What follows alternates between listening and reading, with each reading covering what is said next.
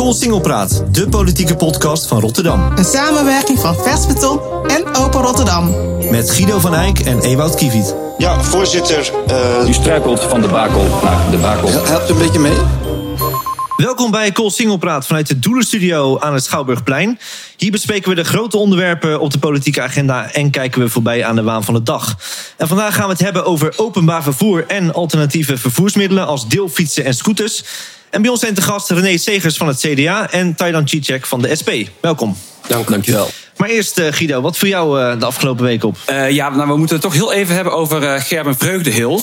wij, Leefbaar Rotterdam, raadslid van Leefbaar Rotterdam. Ewout en ik zaten eind vorig jaar nog in de jury voor de politicus van het jaar. En wij hebben hem uitgeroepen tot die politicus van het jaar. en hij zou eigenlijk um, een week of twee geleden volgens mij... Um, aan de slag gaan als voorzitter van de enquêtecommissie die het warmtebedrijf gaat onderzoeken. Maar was eigenlijk in diezelfde week kwam het nieuws naar buiten dat hij in één keer um, financieel directeur wordt van dat warmtebedrijf. Uh, CFO heet dat dan.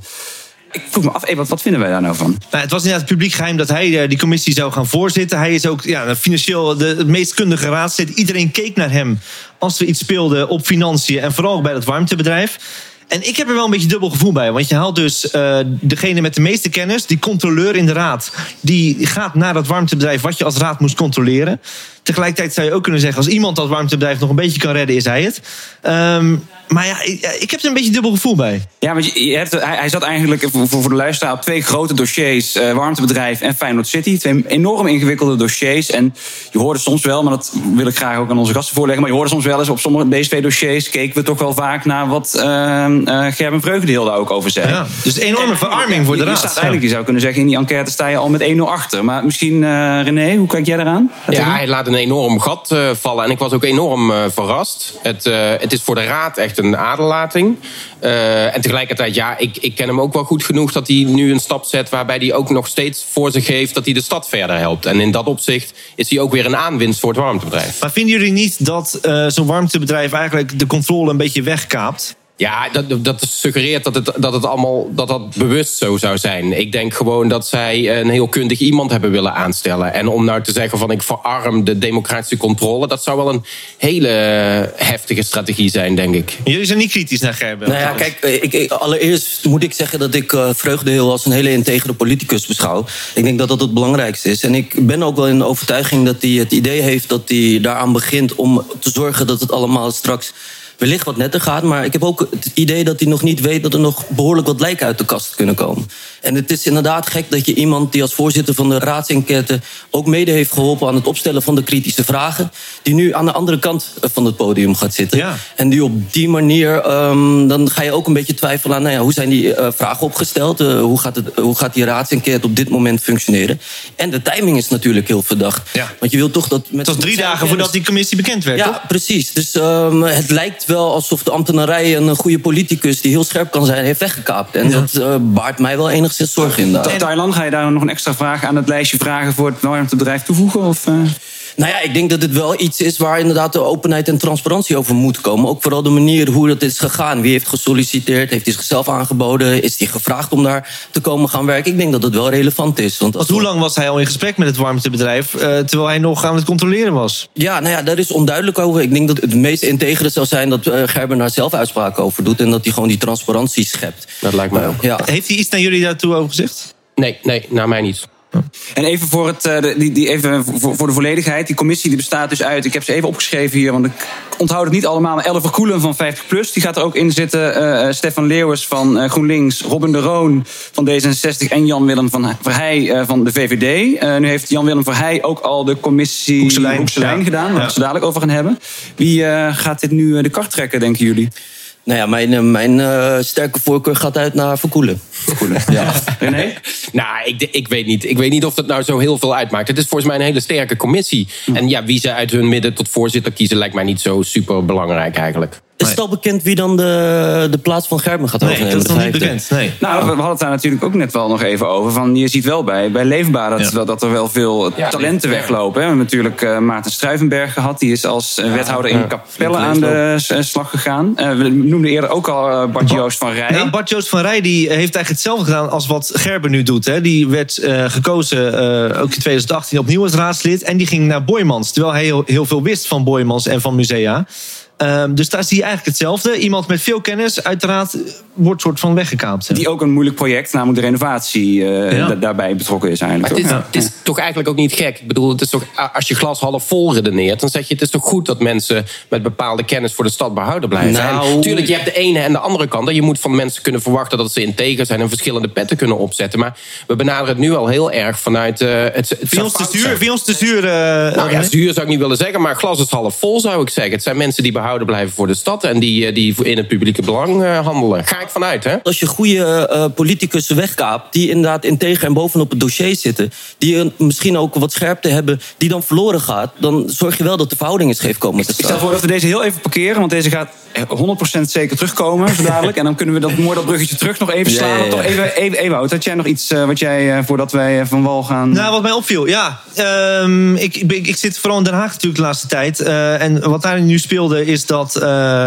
eh, in Brabant eh, gaan de VVD en het CDA gaan nu in zee met Forum. om daar een, een college te vormen in de provincie. Ehm, eh, dat ligt vooral bij het CDA gevoelig, omdat zij natuurlijk eerder met, met de PVV ervaring hebben gehad. Eh, die niet altijd zo positief waren en bijna tot een scheuring in de partij leidden. En nu was heel opvallend dat zowel eh, de twee kroonprinsen, eh, Hugo de Jonge als ehm, eh, Wopke Hoekstra, die zeiden: Nou, we laten het aan Brabant. Hè? Wij gaan daar niet over in Den Haag, we laten het hun uitzoeken. Maar dat gaat in die partij wel weer nieuwe spanningen opleveren, denk ik. En daarom ben ik heel benieuwd, René. Hoe kijk jij ernaar? God, die had ik niet verwacht.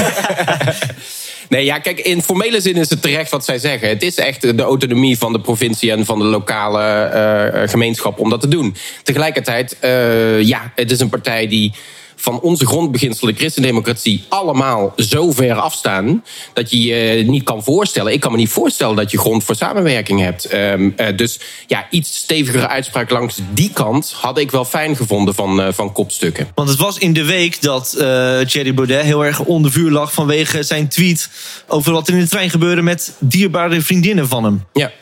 Ja, en het is eh ontegenzeggelijk de partijleider. Dus dat is gewoon een, een probleem. Tegelijkertijd, weet je, ik merk het ook in onze Rotterdamse Raad. Je hebt, eh, nou, laat ik Denk zeggen, een, eh, een partij die toch ook landelijk hele stevige uitspraken doet. Ehm, en tegelijkertijd, met de vier fractieleden in de Rotterdamse Raad, kun je ook wel goed samenwerken. Dus ik kan me best wel voorstellen dat je ook zegt van, laat nou die autonomie bij de provincie en de gemeente liggen. Maar ik verwacht wel verantwoordelijkheidszin van de, de CDA's die daar, zou ik maar zeggen, aan de knoppen zitten. Dat je in zee dreigt te gaan met een partij die zo ver afstaat van onze grondbeginselen. Ja, Eigenlijk hoor ik jou zeggen niet doen. ik zou het nooit in mijn hoofd halen, maar dat ben ik. Maar ik ben niet eh, de partij. Nou, eigenlijk hadden we in Rotterdam liepen we hier al een beetje op de, op de zaken vooruit. Om, of in ieder geval eh, zetten we de trend. Omdat Leefbaar Rotterdam natuurlijk bij de gemeenteraadsverkiezingen ook een, een alliantie aanging met Forum. Waardoor dit eigenlijk dit onderwerp in de collegevorming ook op tafel kwam. Hè? Want Voor D66 was het een no-go. Voor jullie misschien wel. Jullie hadden best nog met leven doorgekund. Ik denk dat voor het CDA uiteindelijk het gevoel sterker was dat je aan Leefbaar gewoon een betrouwbare partner had gehad, ook in eerdere jaren. En dat je Leefbaar dus veel beter kent dan dat je Forum kent. Eh, maar die alliantie, ja, dat vonden wij natuurlijk ook vreselijk. Ja. Zullen wij naar eh, het grote onderwerp van vandaag gaan? Een verse kwestie. Ja, de kwestie vandaag is hoe blijft Rotterdam voor iedereen bereikbaar met vervoer? Van tram tot deelfiets. De auto was al breed aan bod in uh, Koolsingelpraat 1. Dus wil je daar meer over horen, luister dan naar die uh, podcast. Ja, want uh, de gemeente Rotterdam die zou het liefst zien dat u in de toekomst uw auto eigenlijk helemaal laat staan. En dat brengt ons eigenlijk ook op de directe aanleiding van deze podcast. Namelijk artikelen die onderzoekscollectief Spit voor Vers Beton en Open Rotterdam over de Hoekse lijn schreven. Dus de light rail naar Hoek van Holland. Dat project is kort gezegd enigszins uit de klauwen gelopen. En we vroegen even aan Bram Logger van Spit uh, wat, zij, uh, wat, zij, wat zij tegen zijn gekomen. En uh, misschien ook wel of wij daar iets van kunnen leren bij eventuele toekomstige projecten. Wij begonnen met de, de archieven te bekijken. En daar kwamen we de allereerste plannen tegen van de adviesbureaus. En in 2006 hing er nog een prijskaartje van 56 à 73 miljoen euro aan zo'n metrolijn naar Hoek van Holland. En het werd gaandeweg alsmaar meer. De uiteindelijke prijs was 468 miljoen. Dus daar zit een, een gigantisch gat eigenlijk tussen. Uh, en uh, ja, wat je ook zag is dat in de ombouwperiode uh, van vijf maanden die ervoor gerekend was, dat die eigenlijk ja, totaal onrealistisch was. De samenwerking tussen allerlei verschillende partijen die erbij betrokken waren, die liep niet goed. Daar werd ook in interne stukken al wel voor gewaarschuwd. maar daar is weinig mee gedaan met die waarschuwingen. en ja, de les is eigenlijk van dit, dit, dit soort grote projecten eigenlijk altijd macht, prestige en winst genereren voor bedrijven en politici. Dat er altijd grotere belangen zijn om zo'n project door te laten gaan. Dan dat er tegenkrachten zijn. En dat was ook heel duidelijk bij de Hoekse Lijn zo. Dat, dat tracé lag er al, dus er was verder geen groot bewonersprotest of zo. En uh, ja, volksvertegenwoordigers die, die hoeft eigenlijk ook helemaal niet heel kritisch erop te zijn. Want het project werd betaald uh, met een potje geld van de metropoolregio. Dus uh, ja, als het mis zou gaan, dan had je daar eigenlijk ook niet zo heel veel last. Dus er was nauwelijks tegenspraak. Ja, en dan gaat zo'n project gewoon maar door. De vraag of dat nou uiteindelijk een half miljard waard is geweest, dat is uiteindelijk een, een, politieke keuze. Maar dan moet je als politiek wel gevoed worden met betrouwbare kostenprognoses. En misschien zou het ook wel beter zijn uh, als er rechtstreeks financiële koppeling was tussen de besluitvorming en het project. En niet uh, nou ja, zoals dat nu ging, uh, dat eigenlijk een andere partij, de metropoolregio, uh, de rekening betaalt voor het besluit wat er genomen wordt. Nou, even heel kort samengevat. Bram zegt dus, nou, het is ongeveer tien keer zo duur geworden dan, dan gepland. Duurde twee jaar langer dan, dan, dan, dan, dan ook gepland. En eigenlijk ontbreken er tegenkrachten. Thailand, heeft, heeft de raad dan zitten slapen? Of, nou ja, kijk, uh, wat Bram ook noemt is dat hij op een gegeven moment geeft hij aan van, nou ja, omdat het geld werd betaald door het MRDA, um, de metropoolregio, waren, de metropoolregio, waren we wellicht wat makkelijker in onze besluitvorming.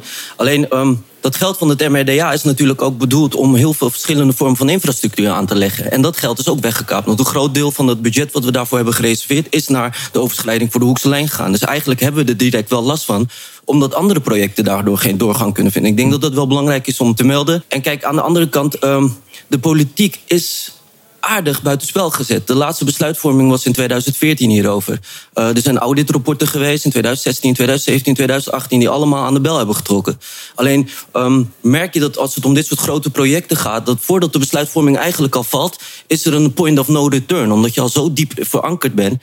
waardoor je daar geen uh, regie meer over hebt. En dat is denk ik wel een heel zorgelijk signaal. Want ik denk dat politieke regie er wel voor zorgt... dat je die scherpte kan houden en dat je kan bijsturen. Ervaar je dat ook zo uit de raad? Dat er op een, vanuit de raad, als, als raadslid... dat je op een gegeven moment een soort van punt hebt bereikt waarop je wel kritisch kan zijn, maar dat ja, weet ik het, het ja. er is al een bouwput, dus je kan niet meer terug of het geld is toch al uitgegeven. Ja, nou ja, kijk, er is gewoon heel veel wensdenken, dat zie je ook. En dit geldt niet alleen voor de, de Hoekse lijn, je zag het ook bij de Uithoeflijn in Utrecht, je zag het ook bij de Noord-Zuidlijn in Amsterdam dat als die kostenberaming wordt gemaakt, dat die gewoon heel vaak wordt overschreden. Dus dan ga je bij jezelf wel nadenken, nou waar ligt dat aan en hoe, hoe kan je dat voorkomen? En het is dan denk ik heel belangrijk om daar gewoon politieke uh, regie op te hebben, om, om daar bovenop te zitten. En vaak zie je dat uh, die verantwoordelijkheid wel wordt weggeschoven op een hele strategische manier. In dit geval is het naar het MRDA gegaan, waar overigens geen uh, gekozen volksvertegenwoordigers nee. in zitten. Dus hoe democratisch is het dan? Goed punt, ja. ja. Een partij die al die jaren in de knoppen zat was CDA. Wat rekenen jullie jezelf aan, René? Nou, ik vind, ik, ik, ik, wil toch even, even een paar dingen vooraf zeggen. Laten we vooral heel blij zijn dat er dit soort degelijke onderzoeksjournalistiek is. Laat dat ook gezegd zijn. Daar ben ik ontzettend blij mee. En daar zijn Thailand en ik als raadsleden enorm mee geholpen. Dus dat als de eerste. Ten tweede, als we, we doen prestigeprojecten. Jij noemde net Thailand megalomaan. Weet je wel, dat soort termen. Als we geen risico's meer zouden nemen, dan zou die Erasmusbrug er ook nooit hebben gelegen. Dus ik vind ook dat we dat af en toe een onsje minder uh, opportunistisch mogen zeggen. En ten derde, ik vind het heel raar dat hier gezegd wordt: ja, het was de MRDA die betaalde, dus het maakt ons niet zoveel uit. Het is allemaal gemeenschapsgeld. Voor mij is de ene euro in het Rijk en hier in de gemeente is evenveel waard. Dus we halen het allemaal uit de zakken van, ons, van onszelf, zou ik maar zeggen. Dus dat is wat mij betreft geen reden om er minder op te zitten. Um, ja, wat je wel ziet is dat ik denk dat we inderdaad misschien te krap ramen aan het begin. Je weet ondertussen, je hebt leergeld betaald. Je weet, dit soort dingen lopen altijd uit. He, bij de Hoekslijn was bijvoorbeeld software voor de veiligheid een hele belangrijk punt. Waar we echt gewoon hartstikke klem zaten bij één aanbieder die het alleen maar kon. Ja, dat ja, dat heeft heel veel tijd enorm op. Ja. Maar, maar, maar zijn punt, hè, en ook als je kijkt naar uh, dat in, helemaal aan het begin uh, zo'n 50 miljoen wordt genoemd, en uiteindelijk is het tien keer zo duur.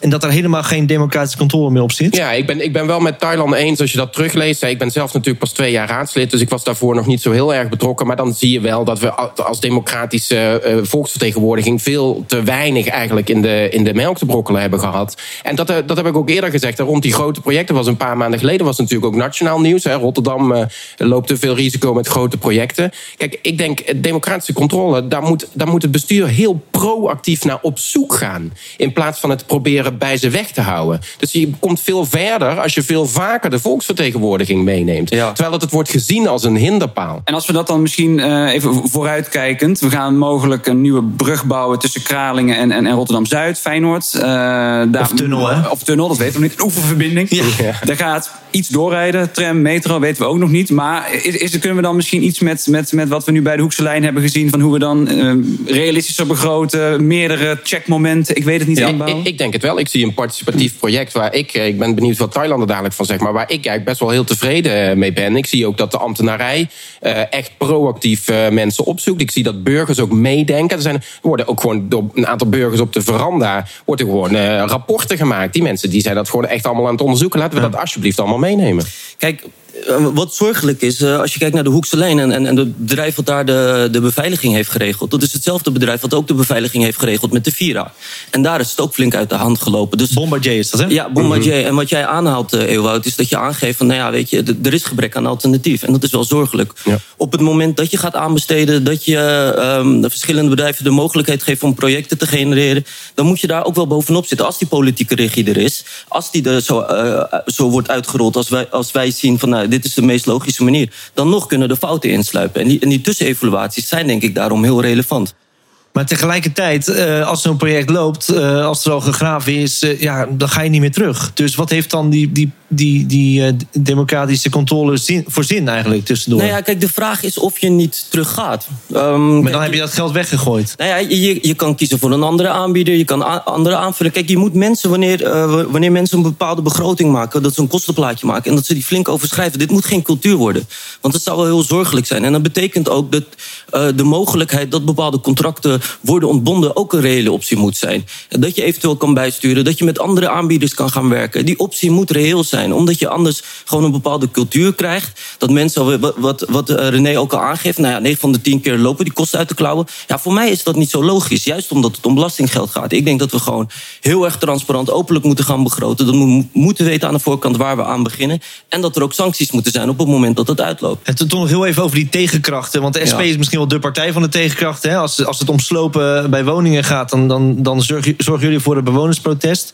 Uh, nou, bij die, uh, bij die oeververbinding is dat er al wel. Hè? Zijn die bewoners al georganiseerd?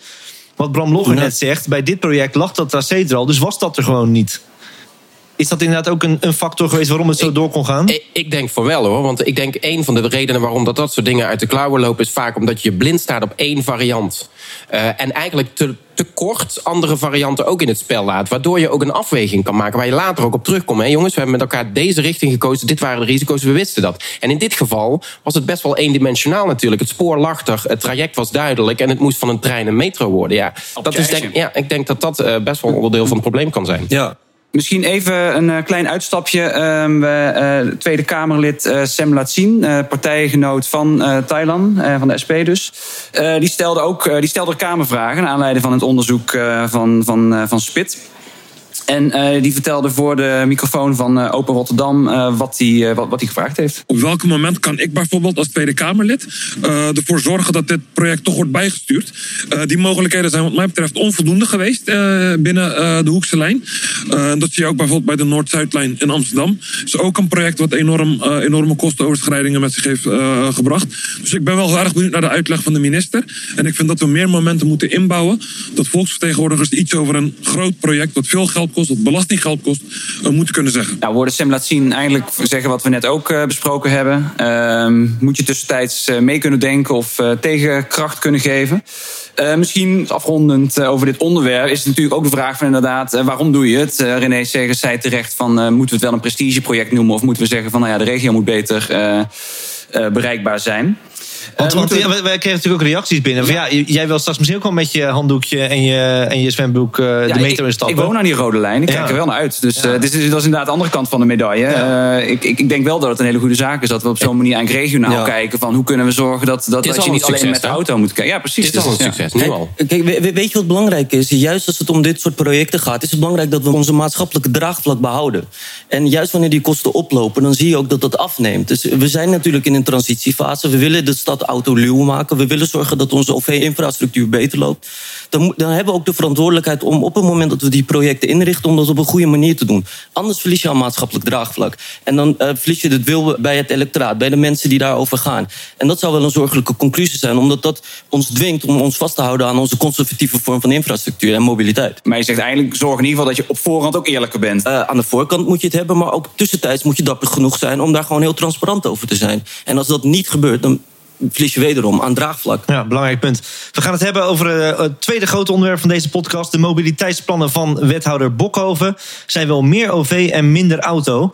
We vroegen haar zelf dit onderwerp te introduceren. Het OV moet wel groeien, want anders lopen we binnen een paar jaar echt eh, niet meer in de pas. Het, eh, het is zo druk aan het worden dat we extra OV moeten aanleggen. Dus bijvoorbeeld bij de oeververbinding om te zorgen dat het eh, OV in de binnenstad ontlast wordt. Want anders lopen, lopen we echt het risico dat zo rond 2025 met deze groeicijfers de mensen bij Blaak en eh, Beurs van de perrons gaan vallen als er niet snel genoeg een, eh, een nieuwe metro aankomt. Nou, behalve dus dat je extra OV moet aanleggen om het te spreiden, al die, die mensen meer te spreiden over verschillende lijnen, heb je ook hogere frequentie nodig. En dat is wel heel mooi, want onze metro die rijdt nou nu soms om de drie, vier minuten.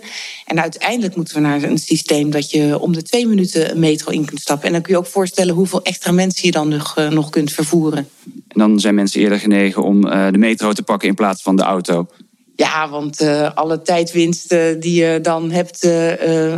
Je hoeft geen plaatsje meer te zoeken in de binnenstad. Als je weet dat je om de twee minuten in de metro kunt stappen, dan is het natuurlijk ongelooflijk comfort. Nou, dat we niet willen dat er mensen bij Blaak van het perron vallen, dat eh, is volgens mij eh, geen eh, discussie. Maar dit is dus onderdeel van de mobiliteitsplannen eigenlijk die diezelfde wethouder Bokhoven eerder deze maand naar de raad stuurde. Eh, vorige week werd dat op het stadhuis besproken. Daaruit blijkt eigenlijk weer van, nou ja, het is toch wel een, een, het- het doel is dat de auto in Autostad Rotterdam een iets minder prominent, eh, prominente rol krijgt. Ik lees even de aantallen voor. Eh, het streven is eigenlijk dat nu eh, van alle bewegingen die mensen door de stad maken, gaat 42% in de auto. En het doel is eigenlijk dat dat in 2040 nog maar 28% zijn. En het idee is eigenlijk dus dat je daarmee in de, in de tram gaat zitten, op de fiets, de deelfiets Nee, ik misschien. moet het nog zien hoor. Ik, het vind, zien? ja, ik vind het heel ambitieus. En Ja. dat is op zich mooi natuurlijk. Ehm, maar Rotterdam is van oudsher natuurlijk best wel een autostad. Ehm, en wat je nu al ziet eigenlijk, is dat eh, de Koolsingel, eh er was twee baans, eh, twee kanten op en de andere kant ook twee baans. Dat is nu één baans geworden. Eh, en ik moest laatst moest ik daar zijn, eh, aan de andere kant, met de auto. Het duurt zo ontzettend lang. ehm, waardoor je die, wel die Koolsingel gaat mijden. Maar dat je dan dus die, de, de wegen eromheen, dat die alleen maar eh, drukker gaan worden. Maar eigenlijk staat in die mobiliteitsplannen dus dat jij dan gewoon op de fiets moet stappen. Ja, maar is het zo maakbaar? Is het zo maakbaar? Ga je dat doen? Dat vraag ik me, dat vraag ik me wel Ja. een beetje af. Ja. Ja, dat het is een verkeerde tegenstelling volgens mij. Want, want volgens mij, ja, waar jullie het over hebben, is het verkeer wat gewend was over de Koolsingel te gaan en redelijk rap de stad door. Door, hè? let op mijn woorden. Die moeten gewoon naar de ring. Ja. Hè, het, het is gewoon te gek dat Google Maps aangeeft dat de meeste routes van noord naar zuid eh, gewoon door de stad het snelste zijn. Haal jij het in je hoofd om met je auto dwars door Parijs te rijden of Londen? Ja, volgens mij het is dus toch als de. Ik, ik, ik rij zelf geen auto, dus ik, ik, ik, ik, ik fantaseer dit bij Ik gebruik maar niet zo vaak in de stad, Als de, hoor. als, als, als de ring vo- dicht staat, dan word je omgeleid over de Schavendijkwal, volgens mij, toch? Eh, Ja, nou ja, maar volgens mij niet eens alleen dan. Eh, het is eh, vaak de snelste route. Erasmusbrug is 50 km per uur. Als dat doorrijdt, is het echt het snelste.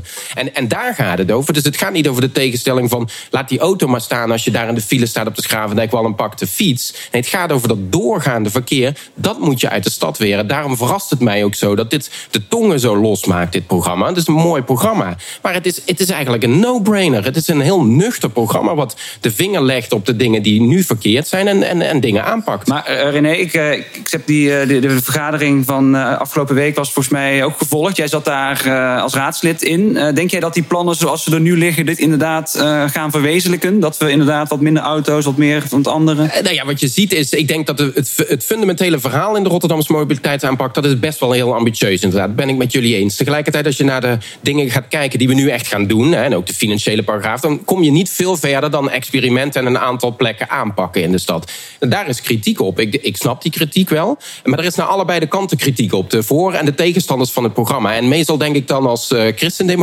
dan zitten we goed. Want dan zitten we mooi in het midden. Als we een van, die, eh, een van die kritische punten eruit halen. eh, er is veel kritiek op een mogelijke busbaan of, eh, of een baan voor eh, elektrisch eh, vervoer door de Maastunnel en op de Schavendijkwal. Is dat een goed idee? Ja, kijk, het is tijd voor verandering, dat is duidelijk. We moeten gaan nadenken over onze mobiliteit. En die, die, die, die tijd is aangebroken en onvermijdbaar. Het belangrijkste is op het moment dat je de, de, de auto's wil weer uit de stad, dat je een eh, goed alternatief hebt. Dat is niet alleen in openbaar vervoer, dat is ook in, inderdaad in deelelektriciteit. In zorgen dat je je bevoorrading van de stad op een andere manier inricht. Ehm, dat je inderdaad bepaalde wegen gaat afsluiten en met een elektrische bus gaat werken. En het is heel belangrijk op, op het moment dat je dat goed wil realiseren, dat je ook nadenkt over dat, je, dat de bewoners en de Rotterdammers daarachter gaan staan. En dat ze snappen voor welk grotere doel het is. En die tijd is nu aangebroken. Hoe doe je dat? Dat is een interessante. Hoe, hoe krijg je mensen zover? ja, kijk, er- er moet een verandering in gedrag komen. En in de manier hoe wij denken over onze mobiliteit. De auto is op dit moment, eh, nou ja, het is, het is een reële optie. Die, daar, daar grijpen we vaak naar. Gebruiken we allemaal nog steeds te vaak.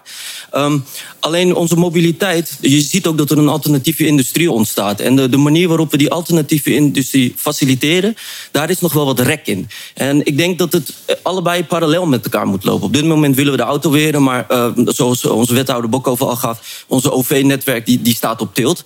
Ja, dat kan niet. Dat gaat niet samen met elkaar. Dus dan moet je gaan nadenken, hoe zorg je dat je op die manier aan die kant ontlast, voordat je mensen vraagt, hey, misschien is het een keuze dat je eh, niet je auto pakt. En, En, op dat- een andere en manier. dat kan dus door zo'n één zo'n baan weg te halen bij de auto en daar eh, alleen elektrisch vervoer op toe te Nou ja, laten. kijk, het, ehm, het autoluw maken van de stad betekent ook heel vaak dat we Rotterdammers misschien moeten gaan aanzetten van hey, het kan deelstrijdergedrag zijn. Je moet mensen ontmoedigen om de auto te gaan pakken.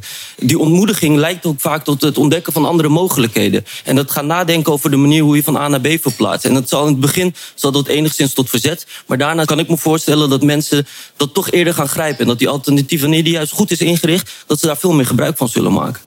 Maar even, dus die, eh, voor, voor de volledigheid, die, eh, die, die, die bus die dan door de Maastunnel gaat, is natuurlijk een manier om, om, om Zuid eigenlijk sneller op het eh, Centraal Station af, aan te sluiten. Ik zag in het AD volgens mij alweer dat het eh, inmiddels al ook gaat over dat er een soort van dedicated lanes voor eh, elektrisch vervoer zou zijn. Dus dan gaat het eigenlijk niet meer over die bus.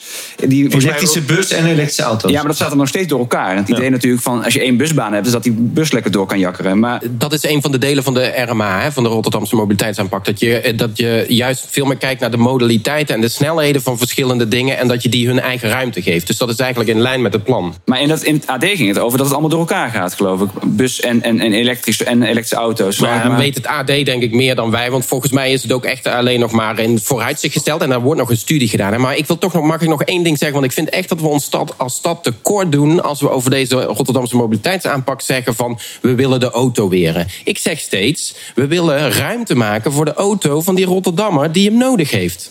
Dat is wat we doen. Want wie is dat? Deze, nou, dat zijn de mensen die in de wijken wonen... en die hun auto nodig hebben om daar op een goede manier weg te komen... en bijvoorbeeld eh, eh, aan de, eh, uit de stad te, geraken. Dat zijn dus niet... En, en het gaat ook over die mensen die wat minder ter been zijn. Hè. Simons van Leefbaar heeft het steeds over zijn oma... die zijn auto nodig heeft. Juist voor die oma van Simons doen we dit. En juist voor dat hockeyteam van de VVD of van Groningen... die, die dat de hele stad door moet rijden... daarom doen we dit. Zodat er ruimte is voor die auto's... en niet voor de auto's die hier niet hoeven te zijn. Dat is het verhaal. Maar, maar laten we het even persoonlijk maken. Jij woont in Schiebroek. Eh, hoe doe jij dat dan met vervoer? Hoe ga jij, Nou, hoe ik- ga jij ik- naar het stadhuis? Of Ik hier naartoe vandaag? gebruik van alle modaliteiten. Dus ik doe nu twee soorten van scooter-dinges. Felix? gebruik ik. Felix en die, en, die, en die andere, die Go. Die is Oh ja. trouwens wel fijner. Die is iets minder snel, maar wat, wat, wat comfortabeler. Ik doe of tram of metro. Maar ik doe het in alle eerlijkheid ook wel eens met de auto. Maar ik haal het eigenlijk zo min mogelijk in mijn hoofd. Want het wordt me ook niet aantrekkelijk gemaakt.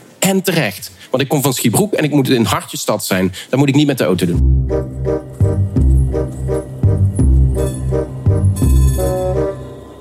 Singelpraat is een samenwerking van lokale omroep Open Rotterdam en online tijdschrift Vers Beton. Met deze podcast willen we politiek dichter bij de Rotterdammer brengen. Wil je ons helpen om ook volgend jaar deze podcast te maken? Word dan adverteerder. Dan promoten we jouw bedrijf op deze plek. Rachid Benamou van Open Rotterdam uh, ging de straat op. En uh, die ging voor Kossingelpraat uh, jongeren vragen hoe zij eigenlijk zich door de stad bewegen. Uh, zij doen ze dat met de auto, de deelfiets, de tram. we horen het graag. Wat is jouw favoriete vervoersmiddel? Metro. de bus of de metro. Het liefst de metro, want dan sta ik niet in de file. Ja, fietsen ook. Ja, sowieso. Elke dag, man. Als ja? het kan, liever fietsen. Liever het beste fiets. Ik gebruik eigenlijk alleen metro en, en tram. Ja, soms de bus, maar ik weet niet. Ik vind bus een beetje nou, niet zo chill eigenlijk. Want die heeft altijd verschrikkelijke tijden en is altijd vol en zo. Met de metro kom je echt overal. Met de trein, dat is echt de stations waar die stopt. En dan kan je niet overal in Rotterdam komen. Hey, en maak je wel eens gebruik van, van die uh, deelfietsen of deelscooters? Uh, ja, van de Felix-scooters. Oh, in de zomer vind ik het al lekker om op een scootertje te zitten... in plaats van in zo'n warme, benauwde metro. het is wel handig, alleen het komt wel duurder uit dan normaal gesproken. Thailand, jij uh, wordt wel eens op een step gespot, toch, geloof ik? Ja, ja, nou ja ik, ik, ik ben er zelf inderdaad voorstander van. Het mag allemaal nog niet, maar ik denk wel dat we in een fase zitten... dat we er serieus moeten over nadenken dat we dat wel gaan faciliteren. En dat is inderdaad een elektrische step, een elektrische fiets, een elektrische skateboard. En je merkt dat dat in Rotterdam... Je hebt ze alle drie, hè? Ik heb ze allemaal. En uh, als er weer wat nieuws op de markt komt, dan wil ik het ook gewoon. Puur omdat ik ook vind dat dat gewoon uh, de, de toekomstbeeld is. Je hoort dat de vraag is bij onze jongeren gelegd. Iedereen maakt gebruik van onze OV-infrastructuur, fietsen, elektrische step. Dus je ziet ook dat dat gedragsdenken bij onze jongeren al eigenlijk aan de gang is. En dat wij ons nog veel te veel vasthouden aan onze gemaktransportatie. En dat is de auto. En daar ben ik helemaal met Thailand eens. Als ik daar mag aanvullen, want we hebben het ook wel eens over bouwplannen, bijvoorbeeld in het centrum. Hè, dan gaat het over een parkeernormen. En dan is het echt godsgeklaag als het eh, minder dan één is. Hè. Dus Wacht, per, minder dan één. ja, auto woning, eh, eh, minder dan één autoruimte. Eh, terwijl dat ik ik ben het helemaal met Thailand eens. Ik denk echt toekomstige generaties die midden in een grote stad gaan wonen, die verwachten echt niet dat ze daar een heilige koe neer kunnen zetten. Hm. Want, want eh, als je kijkt naar die stepjes, jij woont zelf op Zuid. Ja. Jij bent hoe snel ben je op het stadhuis? Nou ja, binnen 10 minuten. Ja. ja. En je ziet het in veel Europese steden. Zie je ze al, hè? Die, die, eh, die deelstepjes.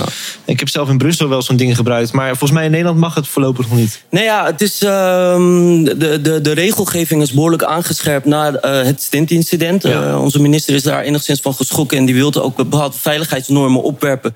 Die ervoor zorgen dat inderdaad die, die productiebedrijven um, dat op dit moment niet kunnen genereren. Dus ik hoop Want de dat veiligheid is nog niet helemaal gewaarborgd. Zo'n ding kan, zoals met de stint gebeurde, uh, niet remmen. En... Nou, de, de, de, vraag is of de veiligheid niet gewaarborgd We zijn geschrokken als Nederland zijn. Onze minister is geschrokken en die heeft die veiligheidstoren heel, heel hoog gebouwd. Waardoor verschillende bedrijven het op dit moment niet kunnen aanbieden. En dat is op zich wel jammer. Het is een gemis en het is een alternatieve vorm van mobiliteit. En we zouden dat eigenlijk moeten omarmen in plaats van dat we dat bureaucratische muur opwerpen. Ja, maar Thailand, uh, het is ook verkeersveiligheid. Hè? Dus ik, ik vind het ook wel terecht. Je, kijk, je, eh, je gaat dan sneller vooruit. Moet het, moet het op het fietspad? Moet het op de stoep?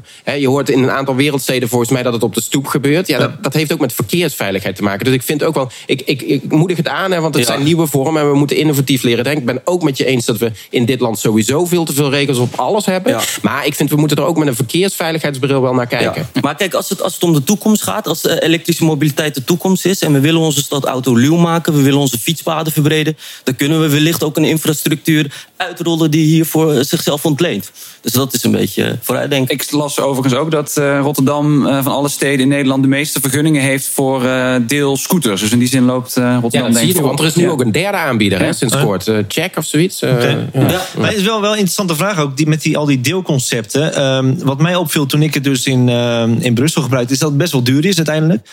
Is het niet vooral voor de toeristen en voor de happy few? Helpt dat ook zeg maar de wat armere Rotterdammer? Zo'n deelfiets of, uh, of nou, ik, vind, ik vind wel inderdaad dat we echt naar prijzen moeten kijken. Dus die scooters die zijn nu nog uh, te duur. Hè? Dus dat helpt niet in vervoersarmoede, zal ik maar zeggen. Komen ze ook terug, vervoersarmoede. Uh, ja, um, maar je moet dus wel naar prijzen kijken. Maar ja, dat kun je, dat, dat kun je eigenlijk niet doen met een commerciële aanbieder. Hè? Dan moet je echt naar prijzen van OV gaan kijken. Want dat zie je natuurlijk wel wat er gebeurt. De, de overheid heeft hier geen, geen rol. Hè? Het nee, is allemaal nee. commercieel. Nee, kijk, het is een nieuw product. En op het moment dat je een bepaalde monopoliepositie hebt... dan zie je dat die prijzen hoog zijn. Als er meer aanbieders komen, als je straks ook eh, niet alleen deelsteps faciliteert, maar ook het, het, het gebruik en het bezitten van zo'n normale step zoals ik die heb. Als dat een mogelijkheid is, zal je ook wel zien dat het de tarieven zal drukken. Het duurt even, er moeten wat meerdere aanbieders komen, er moet, moet meer infrastructuur voor komen. En dan zorg je dat het inderdaad wel betaalbaar is. Is er toch geen risico dat als je dit helemaal bij marktpartijen legt, dat je dan toch een bepaalde ongelijkheid in de, in, in de hand werkt? Eh, bijvoorbeeld de, de, de bekende swapfietsen, die met die blauwe banden. De Ja. Vers Beton schreef daar eerder over dat maar 10% van alle mensen die daar in, eh, in Rotterdam op, op rondrijden, dat die eh, op Rotterdam Zuid wonen. Volgens mij verscheen er een tijdje geleden ook een stuk op de NRC waar eh, stond dat je veel deelscooters helemaal niet op Zuid mag achterlaten, omdat men bang is voor, voor vandalisme of wat dan ook. Ja. Voor, voor zover het waar is. Eh, die, dat vandalisme dus. Is het dan niet, eh, als, als je zoiets vanuit de gemeente aanbiedt, dan moet je dat overal aanbieden. Maar als je het aan een, partij, een marktpartij laat, dan. Het, het is wat ik zeg. Kijk, op dit moment is het zo dat de mogelijkheid voor deelscooters er is. Ehm, als we dat gaan verruimen en als het bezit, als, als je die scooters, nou, die elektrische scooters zijn op dit moment nog be- behoorlijk duur. Maar als je zo'n step kan aankopen, nou, het is niet zo heel duur zo'n step. Voor 350 euro heb je al een step. Voor heel veel Rotterdammers is dat wel veel geld. Maar als je dat verrekent met je OV-kosten over een periode van jaar, ja, dan draai je al break-even en alles daarna is gewoon in principe winst. En je zet hem thuis gewoon aan de, aan de stekker. Gewoon. Ja, of op het stadhuis. Dat kost me minder energie. Nou, dat is eigenlijk wel een mooi bruggetje naar het, het volgende onderwerp, geloof ik. Eh, een onderwerp dat hier ook vaak eh, bij komt kijken is, het, eh, is vervoersarmoede. En dat gaat dan ook vaak over Rotterdam-Zuid. Eh, ik hoor jullie graag zo of dat inderdaad terecht is dat we dat vooral op Zuid eh, richten. Maar het is ook een van de doelstellingen binnen het OV-beleid van de gemeente, waar we het net over hadden. Staat bijvoorbeeld dat aandachtswijken op Zuid beter bereikbaar moeten worden. En dat ook dat het aantal banen dat er binnen 45 minuten reistijd op, eh, van mensen die binnen 45 minuten reistijd op hun werk kunnen komen, dat dat eh, ja, omlaag moet. Ehm, de vraag is dan dus, is de stad wel voor iedereen even goed bereikbaar? En eh, moeten we dat eigenlijk niet eerst aanpassen eh, als we het over dit onderwerp hebben? Ja, eh, planoloog Jeroen Bastiaanse die schreef zijn masterthesis over vervoersarmoede op Zuid. Hij legt uit wat dit precies is en waarom het op Zuid speelt. In Rotterdam-Zuid hebben we in 2012 onderzocht in hoeverre laaggeschoolde werkzoekenden, die afhankelijk waren van het openbaar vervoer, problemen hadden met het bereiken van werk. Uit diepte-interviews met de werkzoekenden bleek dat zij hoofdzakelijk zijn aangewezen op het openbaar vervoer, en dan vooral bus, tram en metro. Trein wordt amper gebruikt en wordt vaak als erg duur ervaren. De fiets was ook nauwelijks een alternatief om naar sollicitatiegesprekken en potentiële banen te reizen. Omdat werkgelegenheid op bedrijventerreinen, in de havens of in de kassen in het Westland vanuit Zuid eh, niet zomaar met de, met de fiets te bereiken zijn. Er bleek bovendien een ruimtelijke mismatch te zijn tussen het openbaar vervoernetwerk, met vooral directe routes naar het centrum in Rotterdam Noord, en naar de periferie verschuivende locaties voor laaggeschoold werk. Dienstregelingen van het openbaar vervoer sloten in de ochtend en in het weekend vaak niet aan op de werktijden. En vanwege de relatief lage lonen en het vele deeltij- deeltijdwerk eh, zijn ook de reiskosten een hindernis om werk buiten Rotterdam aan te nemen. Let wel, in Rotterdam Zuid bevindt zich een derde van de Rotterdamse werklozen en maar een vijfde deel van de Rotterdamse banen. Je moet Zuid dus uit om aan werk te komen. Gebrek aan vervoer betekent voor hen dus minder kansen op een baan. Thailand, jij woont op Zuid, geloof ik. Herken jij dit beeld over Ja. vervoersarmoede? Ja, kijk, die, die is er wel degelijk aanwezig. We hebben laatst ook gelezen eh, dat de lijn 2 bijvoorbeeld een, een tijdje lang stil gaat staan. Dat er bussen voor komen, dat die niet voor iedereen toegankelijk zijn. Dat mensen in isolement gaan raken. Kijk, in eh, Rotterdam-Zuid moet die infrastructuur inderdaad een behoorlijke sprong voorwaarts maken. Ehm, en het, is, het zou niet eerlijk zijn als we vooral in de stad en het centrum gaan investeren... en mensen in de randgebieden enigszins buitenspel zitten. Dus juist als het gaat om maatschappelijk draagvlak... juist als het gaat om het creëren van voldoende alternatief... juist als het gaat om het eh, weren van de auto en zorgen dat je op, op een andere manier je, eh, je mobiliteit inricht... dan is het heel belangrijk dat dat netwerk er is. En dat die, die, eh, we merken in Rotterdam-Zuid... dat die toch een beetje achtergesteld raakt op die van het centrum. Nou ja, wat Bastiaanse ook zegt, is dat eh, het centrum is het best bereikbaar. En daar heb je vooral de hoogopgeleide banen. Ja. Dus als jij werkt eh, langs een industrieterrein, langs de snelweg, Ja. dan kan je niet komen met het OV. Nee. Nou ja, kijk, het is. ehm, je moet zorgen, je kan niet overal natuurlijk een metrolijn naar maken. Je moet zorgen dat, de bus, eh, dat het middels bussen gaat, dat het middels elektrische bussen gaat, dat er netwerken zijn. Dat je ook aan de voorkant eh, goed je reis kan gaan programmeren. Weet je? Dat daar ook, ook in het technische aspect het een en ander voor ontwikkelt. Of het nou via apps of wat dan ook is.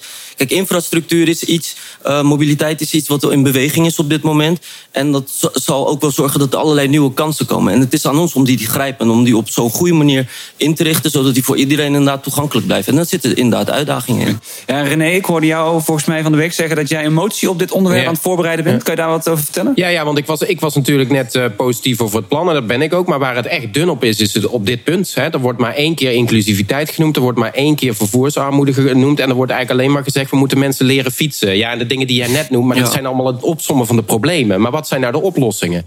En ehm, ik vind dat je in ieder geval moet kijken... naar de prijs van het openbaar eh, vervoer. Die is hoog, hè? Die is, die is hoog. Eh, overigens zijn we in grote stedenperspectief dan weer laag. Maar die is relatief hoog. Eh, terwijl dat je gewoon een doelgroepenbeleid kunt doen met je OV-tarieven. Dat staat ook in de onderzoeken van de MRDH.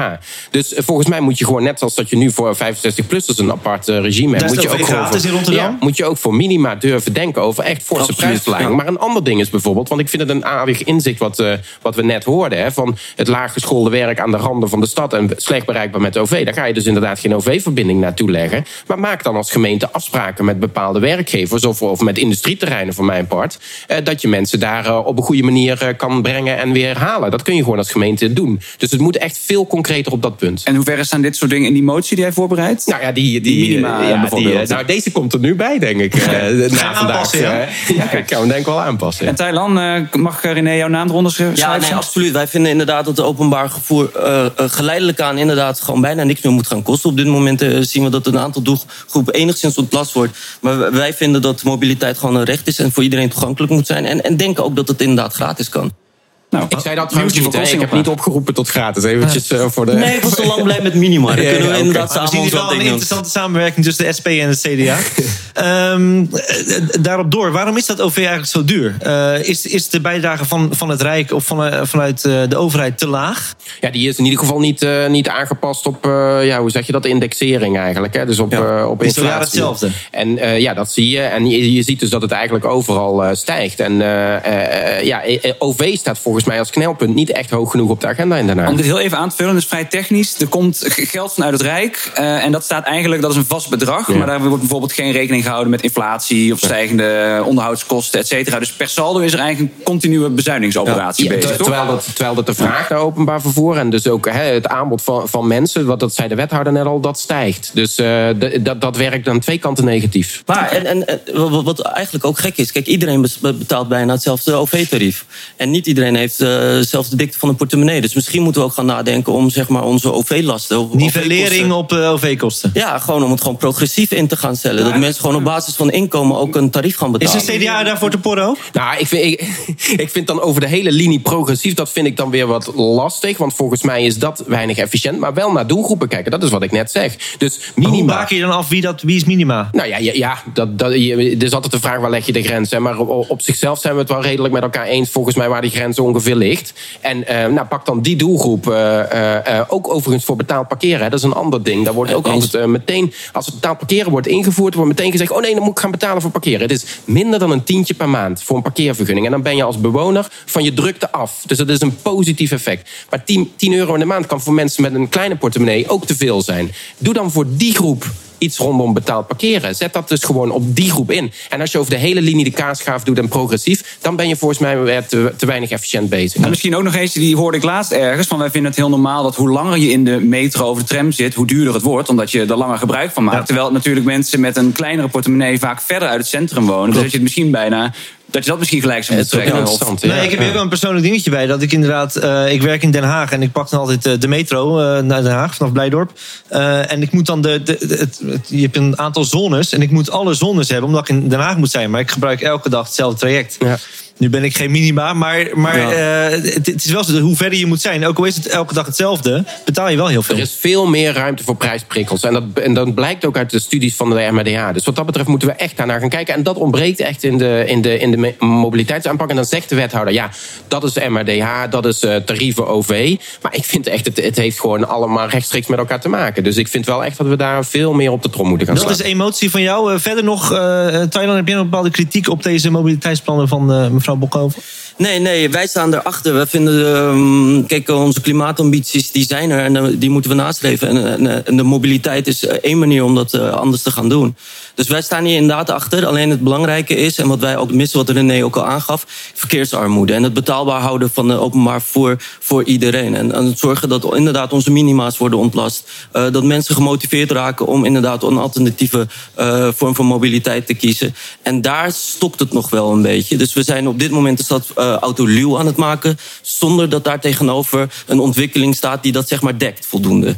Dus daar kan het wat ons betreft nog wel een slag in slaan. Mag ik nog één dingetje toevoegen? Ik vind ook, we framen dit nu, en er is een GroenLinks-wethouder... en dan framen we het ook weer heel erg als schoon... Hè, voor, voor die duurzame ambities. Maar het is ook veilig en het is ook ruimte. En met ruimte, dan weten we allemaal dat we daar problemen mee hebben in de stad. Dus die dingen moeten echt veel meer belicht worden. Langzaam verkeer is veilig. En, en, en auto's uit de stad levert ruimte op. Dat is niet alleen maar voor die duurzame ambities. Nou, dat is wel een geinig. Ik was vorige week uh, in Theater Walhalla uh, op, op Katendrecht. Er was een bijeenkomst over, uh, doet er verder niet zo heel veel toe... maar een, een, experiment op de Hoogstraat... om daar een tijdje de auto's weg te halen. En daar was een, een architecte en die, die hadden een beetje doorgerekend. Stel nou dat je 30% van de parkeerplekken die we nu hebben weg zouden halen... dan zou je genoeg ruimte hebben om iets van 15.000 grondgebonden woningen te bouwen of zo. Dus inderdaad, ja. in die zin is dat een, een, een, ook een onderwerp wat je hierbij kan halen. Ja, eh, wil je daar meer over weten? Luister naar Kool Singelpraat 1, zou ik zeggen. Precies. Gaat over parkeren in de stad. Ja. Dat was Kool Singelpraat over openbaar vervoer. Uh, in een eerdere uitzending spraken we al eens over de auto in de stad. De, af, de aflevering Autootje Pesten en andere uitzendingen van Kool Singelpraat zijn terug te luisteren via Spotify, iTunes, Stitcher en Soundcloud. We waren vandaag te gast in de Doelenstudio. Uh, dank voor de gastvrijheid weer. En u bedankt voor het luisteren. Kool Singelpraat is een samenwerking van lokale omroep Open Rotterdam en online tijdschrift Vers Beton. Ben je fan van deze podcast over de Rotterdamse politiek? En wil je dat we dit kunnen blijven maken? Word dan supporter van Vers Beton, volg Open Rotterdam of deel deze podcast.